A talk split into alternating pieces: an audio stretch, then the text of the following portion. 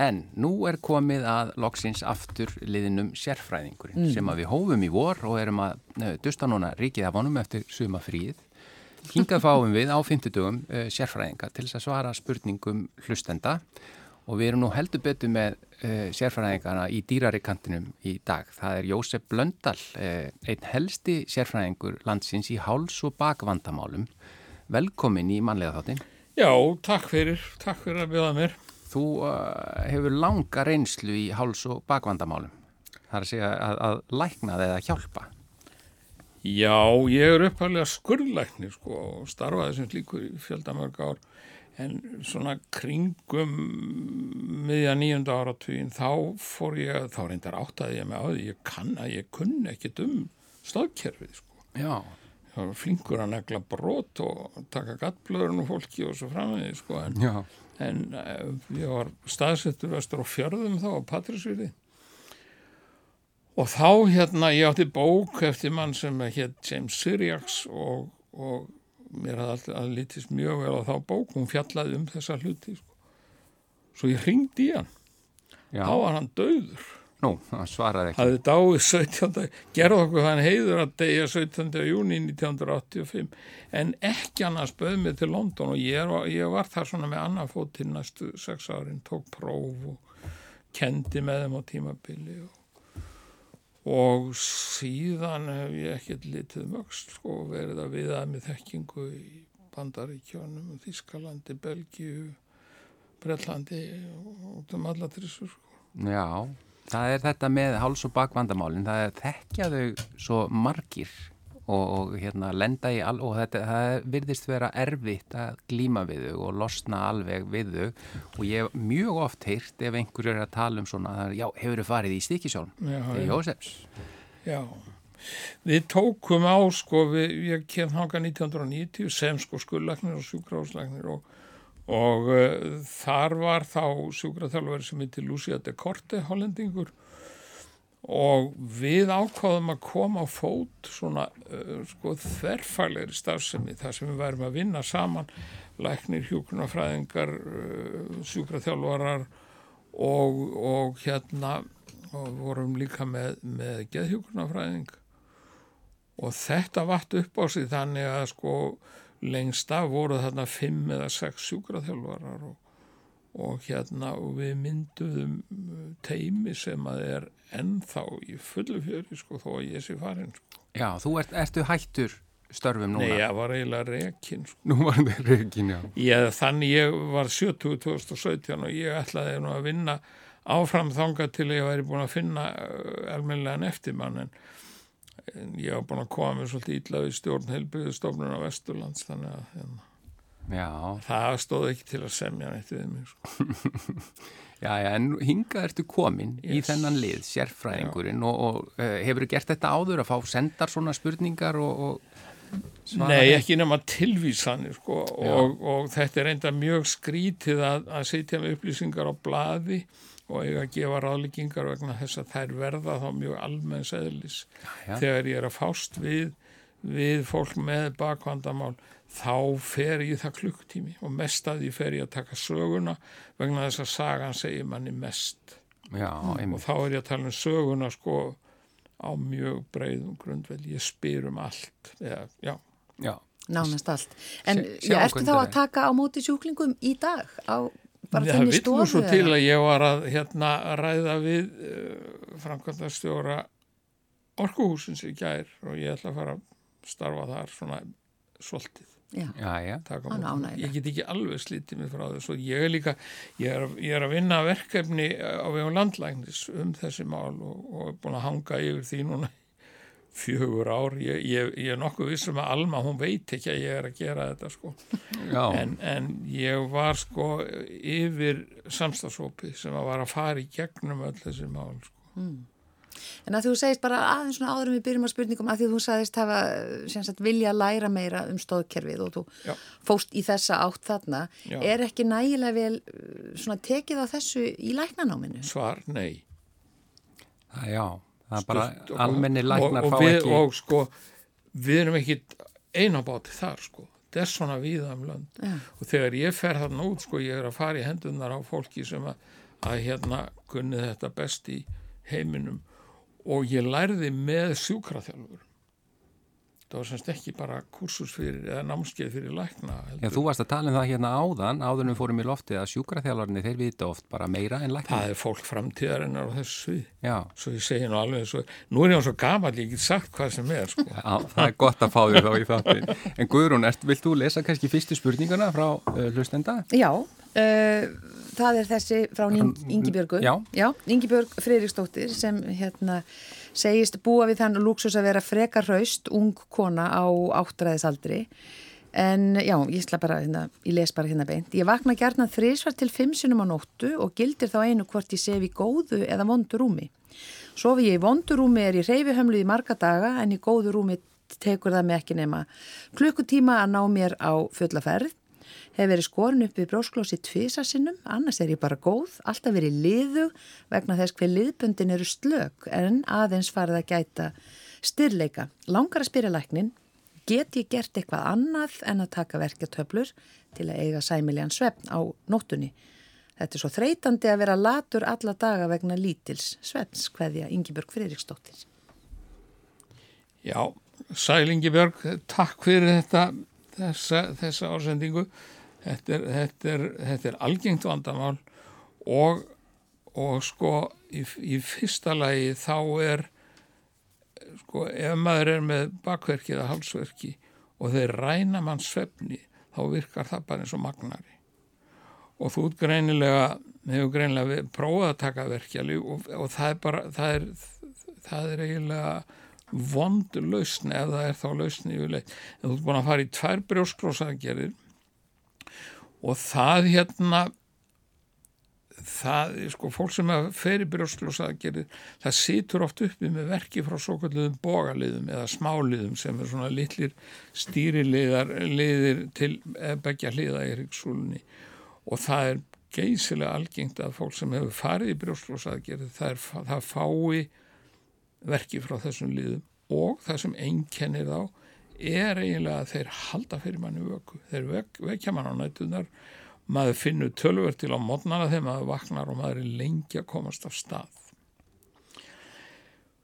Og sko, ef þú sætir hérna beint á mótið minn, þá myndi ég spyrja út í rúm og kotta og svo framvegi sko, og kaffi þamb.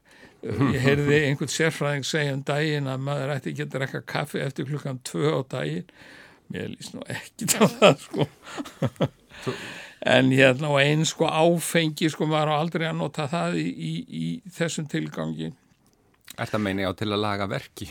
Já og til að sofa, sko, sofa það já. gerir bara illt verra. Já, já, og síðan er sko bara almenn hreyfing alveg gríðarlega mikilvæg.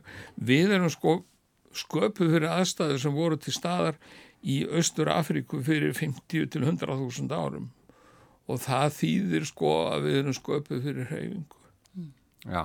Þannig að að hvað, að- að ganga og... Gang, já, Og be, standa. besta hreyfingin mm.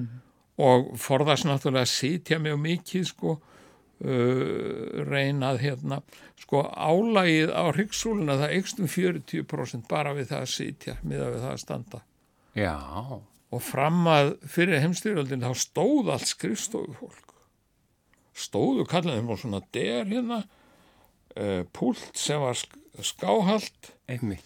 Og svo voru þeir með ermarnar uppi og svona tegju til að halda. Þetta var still yfir þeim sko. Já, já, já, já. svo, svo, þetta er þegar sko Bretland er mesta heimsveldið, svo koma bandaríkjamenninir og þeim fannst þetta ekki nógu fínt. Fólk sem var á skrifstofu það átt ekki standa.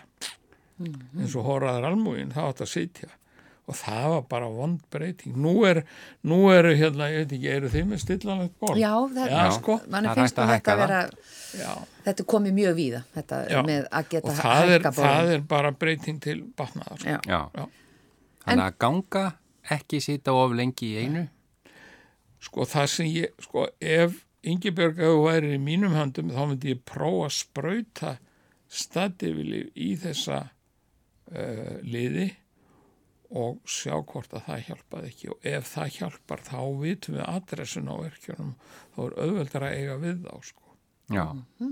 Já, eh, allan út frá þessari bara svona spurningu á bladi þá er þetta bara nokkuð gott. Mm. Og er svona eitthvað sem þyrti skoðunar við, er það ekki? Já, já, alveg við... og ég, sko, ég er aðleg öllum að fara til sjúkraþjálfar. Mm. Því þar fer sko, sko sjúkraþjálfar, þeir kunna stellingafræðina miklu betur en við læknar. Mm. Já, já. Og ég sko, þegar ég var að vinna hérna á háls- og bagdildinni og var að fá sjúklinga sem ég fannst að þýttu hjálpar við bara strax þá ringdi ég bara niður, ég bjóði algjörna luxu sko og þar voru fimm sjúkraþjálfarar hveraðurum betri og tók bara við Já í staðin fyrir að ég var að böklast í gegnum alla bókmyndinar og læra þetta sko. og þetta var semst frá Ingebjörgu Friðriksdóttur ég er með Já. aðra spurningu hérna við ætlum að halda bara beint áfram uh -huh. svo, við viljum endilega fá svör við spurningu sem að uh, hlustendur senda inn góðan daginn, mér uh, langar að spurja af hverju hryggskekkja kemur mm. það kom í ljós þegar ég var árin 47 ára að það er töluverð sé sveia á hryggnum mínum aldrei hafð mér fyrir en fann fyrir óþægendum með því að sitja lengi og fór því að láta skoða mig. Eru einhverjar æfingar betri en aðrar fyrir hryggskekkjuna? Hvaðið að Ardís?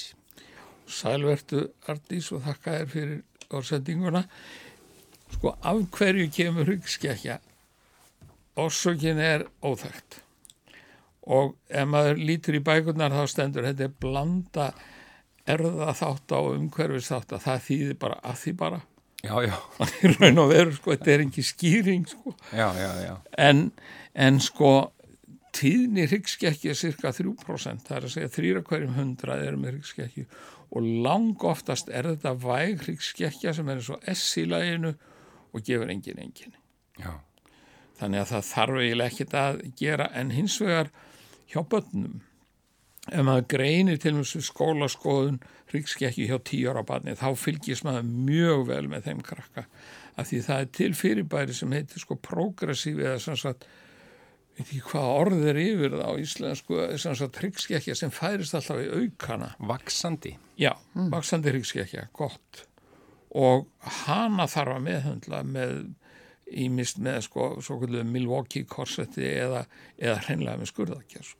Korsett sem er þá bara svona strengt eh, Já, já og réttir úr eða kemur í vekk fyrir að skekkjast með þeirra sko. síðan eru til, það er tilæfingaprogram það er kent við konu sem heitir Katarína Hétt hún var uppi á 19. öll sko. Hétt Katarína Sroth S-C-H-R-O-T-H og það er þetta að finna þetta program á YouTube, ég veit reyndar ekki hvað er mikið að marka það. En best er ef maður er með óþægindi ef maður er með hryggskekkju og með óþægindi það er að fara til sjúkraþjálfara sem er sérhæður í þessum aðferðum Sroth og það vil svo til að ég veit að tveir sjúkraþjálfarar í stikkisólmi eru með þessa myndun sko. Já, já, já. Sróð. Já, S-C-H-R-O-T-H, þetta er svona nafn, eitt af þessum þýskunöfnum sem eru valdamanna eru í leikum. En, en, en þetta nótuðum við fyrir vestan alltaf á sko þegar ríkskekja var annars. Mm. Þannig þá er nú aldrei komið hér svar fyrir, fyrir artísi, þannig hún bara fer á netið og, og hérna. Finnur þetta eða leitar líka? Já, ég, ég ráð, sko, eitt segi ég við alla ég, ég, ég haldi sko þúsundir fyrirlestra þarna fyrir vestan fyrir sjúklingarna og eitt ráði sem ég gef þeim er ekki fara á internet. Já. Og ég var akkurat að segja segja að gera það. Já, það er, sko, það er svo mikið að drasliða Já. Já. Þannig að maður getur ekki jafnvel þó þetta lítið voðalega vel út sko menn sem er í markasbransanum þeir kunna að selja sko. Mm. já, já, já. þannig að það er best að fara til fagfólk sko. Ekki spurning. Mm -mm. Uh, en hún getur farið á neti til þess að finna símanúmerið. Já, já, og þú sagðir á YouTube væri þessar sróð og þau æfingar. í sko stikkisólmi sko, ég veit bara þessar tvær sem mm. eru sérhæðar í þessu. Svo vita það sjálfsagt um einhverju Reykjavík sko, sem kunna þetta líka. Heru, en þá er það uh, spurning nummer þrjú Spurning frá konu sem vill ekki láta natsi sketið, allt í góðu og hún er 51 ást, tekur það samt fram hér. Uh, ég veit ekki hvort vöðabólka í herðum og hálsi fellur undir bakverki en ég ætla samt að láta vaða. Ég hef verið í mikill í vinnutörn lengi og sitt við tölvu allan daginn, stend þá reglulega upp og gengum en nú er svo komið að ég get ekki lengur verið í bróstahaldara Það sem herðarnar á mér eru orðna svo auðmars, uh, herðar og hálsin að aftanverðu. Verkurinn leiður upp í höfuð í með stöðan seyðing í höfðinu og stundum jætmvel sáran höf, höfuðverk.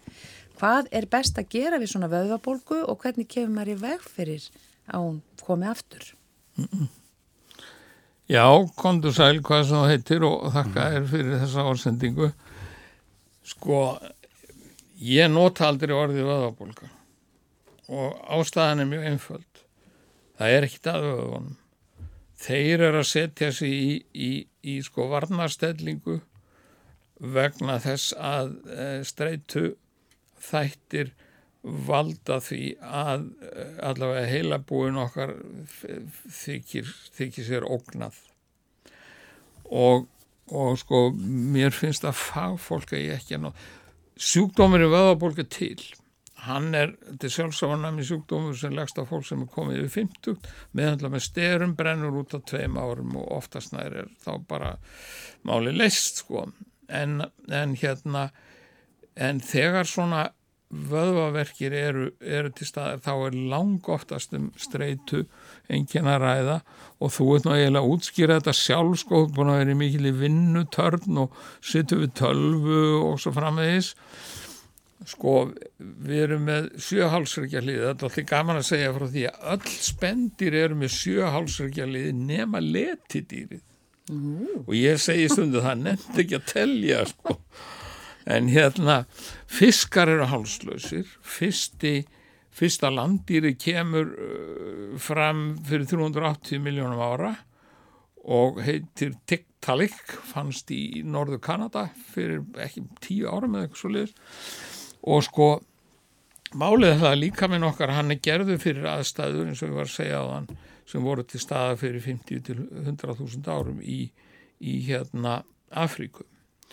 Og það þýðir það að við erum sköpuð í fyrsta lagi fyrir hreyfingu, í öðru lagi þá erum við sköpuð fyrir streitu sem er mjög skamvinn því að við erum, við erum þarna innan um sko fyrir 100.000 árum þá eru sennilega sex tegundir af sko skögultendum tígristýrum í, í hérna í Östur Afríku þannig að þetta snýrist um að sko getæða verða getinn mm. og, og ef við tökum bara sem dæmi antilópu sem, sem tígristýr ræðist á. Þetta tekur svona 30 sekundur annarkvært er dýrið drepið og getið eða það sleppur. Þá streyt hann úr sögunni og þetta er það sem við erum gerð fyrir. Og það er maður sem heitir Robert Sapolsky. Hann er professor við Stanford Háskóla í Kaliforníu. Hann er, og það er alveg óhætt að fara á YouTube og hlusta hann. Siðu nafnið aftur? Robert Sapolsky. Já. hann er sko professor held ég í taugalífræði og sérgrein hans er reynda bafi hann hann er búin að vera mikið í, í Afrika stúdera sko hérna hvernig bafi hann að bregðast við hinnum ímsu aðstæðum. Og hann er með mjög fína fyrirlastar einmitt um þetta streitu sko hvaða áhrif sko fyrir hvers konar streitu við erum gerð og hvaða áhrif langvinn streita hefur á okkur. Hún er óhóll sko. Já, Já þannig að það er streitan. Og svo er sko hausin á okkur hann er 5 kíló. Minna nú sérlega 6 sko. og hérna og sko og hálsin er það er, það er engin líkamsluti með eins mikið á stöðunemum og hálsin mm. hann er alltaf að senda bóð upp í sko litla heilan og heilan og, og þetta tengist sjón tengist heyrn og, og er alltaf að leiðir þetta alla stellingar sem við erum í og ef við höldum honum alltaf í sömu stellingu þá verða vöðarnir reyðir sko mm. þá fara þeir bara að halda svona sko, stífna svo getaðu þetta verið undirliggjandi vandamál mm. liðþóa skemmtir eða eitthvað þess að það sko. En, en hvaða ráðmaður myndi gefa sko, það er nú það. Og ég var nú að tala um þetta með skrifstofum en sko, skiptum stællingar, vera með stillanlegt borð og sko stólar. Það er nú svona fyrirbæri sem að er eiginlega órannsakað. Og ég sko miða við þá þekkingu sem við höfum, sko alla grunnrannsóknir, þá er sennilega besti stóllin, kollstóll sem hallast fram, baklaus og óstöður. Já, sem að það er nú vegna til þess að svona stólar. hryggurinn í okkur hann er gerðu til að vera annarkort á hreyfingu eða liggjandi Já, og það eru vissar ástæðu fyrir því það er allt það verður fyrirlestur, þannig ég ætla ekki að tala um það sko. Að snýstum sko ná- næringar ástand liðþóana stólbak er óvinnur okkar. ég, ég læriði í seinni hluta eh, læknisnámsins í Danmörku. Þar voru við með hérna, professor í hálsni og eyrnalækningum. Hann sagði, eyrnapinnar eru framleitir í helvíti. Og hérna og sko, eyrnapinnar er náttúrulega eitthvað versta sem að getur sett upp í eyrun og, ég hef haldið því fram sko við hliðin á, á vesmiðinni þarna niðri er vesmiða sem framleiði stólbök. Já, já, já. stólbaki er upphælega til skrauts.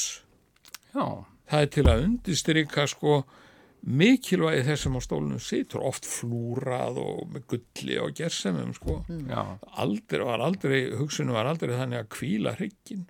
En það þegar við lítum á veiðimenn og safnara þá eru þeir aldrei með stöðningum baki þegar það sitja. Já, já, já. Aðteklisvert. Það er talað um ergonómiska eh, stóla, ekki satt? Er það sölutrygg Það er sölutrygg. Nei, maður verður nú að passa sér svolítið sko, sko ég veit það ekki, sá stóll sem ég sitt á þegar ég er og ég, ég er mikið að vinna í tölvu og búa til fyrirlestra og, og skrifa skýsluna til landlæknis sem hún býður að það eftir. Og þá sit ég á svona stól og sem er, hann er með kúfta sessu, tiltúlega mjúka hallast fram, ekkert bak og svo er hann óstöður, hann reyfist með mér. Já, og sko ef, ef hérna, sko það að sitja, það eikur álægið á hrygginum 40 og 100 þegar við göngum þá aukum við álægið bara um 15% þannig að stóllin sem við sitjum á hann á helst að herma eftir því ástandi sem hryggurinn er í þegar við göngum. Já, já, já. og það gerum við með því að, við, að láta hann reyfa sko. Já. En sko, Næst- bara fyrst þú nefndir þetta með þig og, og þinn stól, Já. hefur þú sjálfur glýmt við bakvandamál? ég fekk fyrst í bakið þegar ég var 73 ára Já, með alla þína reynslu. og ég byrjaði að vinna þegar ég var nýja ára, ég byrjaði að stafla mjölpókum þegar ég var 13 ára. Þannig ég var nerviðisvinnu sko fimm mánuð á ári í mörg, mörg, mörg ár sko. Já, já. Ég hef með slitinn hrygg, ég hef aldrei fundið til fyrir, fyrir núna ég reyf upp heilan hérna garð af runnum með dóttu minn. Já, Og maður sko, þetta er náttúrulega gott, það var örgulega mjög dæmikið sko að, að, að maður er að ráðleggja fólki sko og svo fer maður ekki eftir ráðum sjálf. Er það ekki Er mjög ekki algengt? Jú, það held ég mannlegt bara. Já. En Gunni, þú kannski lest næstu spurningu. já, Sko, eitt allir að segja sko, að, að hérna, ég myndi alveg heiklust að ráðleggja þessari konu að fara til sjúkraþjálfara Já. og fá ráðleggingar. já, Ekki spurning. Og ég er nokkuð vissum sko að, að eftir bara örfá skipti þá verður hún laus við þessa svo náttúrulega spurning á maður að vinna eins og brjálæðingur. Sko. Það er nú það. það er spurning. Kannski bara ekki. Við, Það er bara það. við vinnum líklega of mikið flest okkar, en hér er spurning. Ég, ég er uh, um 50 kallmaður og hef blessunlega ekki glýnt við erfið bakvandamáli gegnum tíðina og þó. Ég hef af og til fengið skot í bakið, eh, kannski kallast það þussabit eða minnstakosti hafa ef ég fengið stingandi verk, yfirleitt ekki við mikla áreinslu, heldur bara við venjulega reyfingu, kannski að tegja mig í glas á borði eða eftir liklum í hillu. Eh, Þetta hefur reyndar ekki gerst oftar en kannski á tveggja til þryggja ára fresti. Þetta hefur verið afskaplega sásökafullt og hefur tekið tvo til fjóra daga að ganga tilbaka. Þess á milli hef ég eins og áður segir ekki þjáðst af bakverkum. Því langar mig að spurja, er þetta eðlilegt og hvað getur orsaka svona sterka verki þó að það hafi verið sjaldan og ætti að gera einhverjar sérstakar æfingar sem getur komið í veg fyrir að fá svona skot í bakið sérstaklega það sem ég er komin yfir 50 og hef áhyggjur af því að þetta getur gerst oftar með aldrinum. Góð spurning, takk fyrir hana. Þetta er svona, sko, þegar þið talað um þursabit þá er yfirleitt áttu verki sem koma, sko, annarkvæmt svona eins og smelts í fingrum eða á einu, tveim klukkutímum, sko. Og sko, fólk sem er komið yfir 50 og er að fá svona einkenni, það er lang líklegast að þeir komi frá svona skotverkir, þeir koma oftast frá þessum bógaliðum sem ég var að tala um áðan. Og, og hérna, sko ég er nú búin að sprauta fleiri þúsund manneskjurum að ég dró, ég dreigi, dró mjög mikið úr því síðustu tíu árin sem ég var að vinna fyrir vestan líka vegna þess að sjúkraþjálfarnir, þeir eru alltaf betri og betri sko. Mm. og, og hérna sko æfingar sko styrtaræfingar fyrir bakið þær munu hjálpa til að draga úr því að þetta gerist Já. en svo og svo nefn ég bara einn eins og sjúkraþjálfur líka... og regluleg reyfing sko við eigum að stunda sko 20. öldin hún gengur út á eitt og það er þægindi. Svo erum við að degjur þessum þægindu núna sko. Sýttusíki 2 og háan blóðsystingi og svo framvegið sko Já, þæginda sjúkdómar. Og þá fara allir í rættina, sko, anskot. Já, á miljón og crossfit og allt mögulegt. Segðu þau. Já. já. En þarna er bara, já, komum við aftur af þessu. Það er til, sko, æfingarprogram sem er kemtur Robin McKenzie, hann var nýsjálendingur, hann dó fyrir bara 2-3 árum. Það er flott hérna uh, æfingarprogram og rosalega einfalt og það getum við að séð á, á netinu. Robin McKenzie? Já, bara, já, eða bara McKenzie og það er svona fettuæfingar ef það er virka og það er gera það oft þá er það bara fínt sko. Já, annars er líka hægt að fá þá réttaræfingar í gegnum sjúkraþjálfara Já, já. Heru, Ein, já, bara síðasta spurningin í rauninni, Jósef mm -hmm. uh, nú heyrim aður misjafna skoðanir á brjóskloss aðgerðum, hvenar eru þar nöðsynlegar að þínu mati? Þetta er ein spurning frá hlustanda Já, takk fyrir hana Sko uh, við búum svo vel að vera með heila á taugarskulagna í heimsklassa. Og það, það besta við þá það er hvað eru í allsamir vegna þess að sko sko eitt af hverjum tíu brjósklósum þarf að gera að halda. Og, og fer svolítið eftir í hvern maður spyr. Ef maður spyr þá sem að lifa á því að gera þessar aðgerði þá er það náttúrulega fleiri en sko en, en brjósklósa aðgerð er gerð ef maður finnur það mikið til að það er óþólandi og svarar ekki annar meðferð. Það er stutt á svarið. Svo eru aðstæður eins og sko svo kallega mænutagls heilkenni þar sem brjóskið er miðlagt og fyrir beinta aftur og bak og þrýstir á þær taugar sem stjórna þvægi og hægðum. Mm. þá að maður að fara í aðgerð sama daginn Já, þær taugar eru það viðkvæmar að það má ekkert býða sko. já, já, já. nú í þriðja lagi þá er sko ef maður, sko, þegar maður fær brjósklós þá fær maður kannski svolítið kraftleysi og dofa og, og njávið bræðkverfur og svo framvist og það gerir ekki til í sjálfus þetta lagast yfirleitt. En sko ef þetta er alltaf að færast í aukana þá það maður að hugsa málið upp á nýtt og svo í stíðasta leið þá er oft talað um sko svo kallega droppfótur þar sem löppin hangi niður og maður dregur í loð eftir sér og lengi vel þá sögðu menn að þá ætti að gera aðgerð ég er ekki alveg sammála því að því við höfum haft fólk fyrir, höfum fólk fyrir vestan sem var með svona droppfóta hefði ekki farið aðgerð og við gáttum bara að þjálfa þann upp sko Já. Brjósklós vissnar af sjálfu sér. Já. Já. Það er, er gerðar fjöldamargar rannsóknir á nýjunda áratögnum þar sem menn gerði ekki aðgerð, heldur bara fyldust með brjósklósinu og eftir þrjá mánuði þá voru 75% aðeins meira að minna horfin. Já. Já, líka minn, hann er ekki að þælast með eitthvað sem er ekki að gera neitt gang, sko. Það hann vinnur bara á þessu. Já, þannig, sko. Já hann, hann bara þetta, sko, um leið og móðu, leið og brjóskljósið er löst úr móðubrjóskinu, þá fær það korki vökva nýja næringu. Og þá bara skreppur það saman. Og hverfur. Bara af sjálfu sér. Af sjálfu sér, oftast nær þarf ekkert að gera sko. mm. Þetta séu helst í bak og hálfsérfræðingur Íslands og eitt ætla ég að segja. Ef við tökum 100 manns á aldrinu 20-50 ára sem aldrei á æfinni hafa fundið til neinstadar og myndum bakjaðum þá er yfir 30 með brjósklós Já, sem bara þriðjungur, allavega sko þriðjungur brjósklósa er bara gjörsamlega einkennalöðs mm. þess vegna sé, sko það er alltaf sagan og skoðunin sem segja manni mest.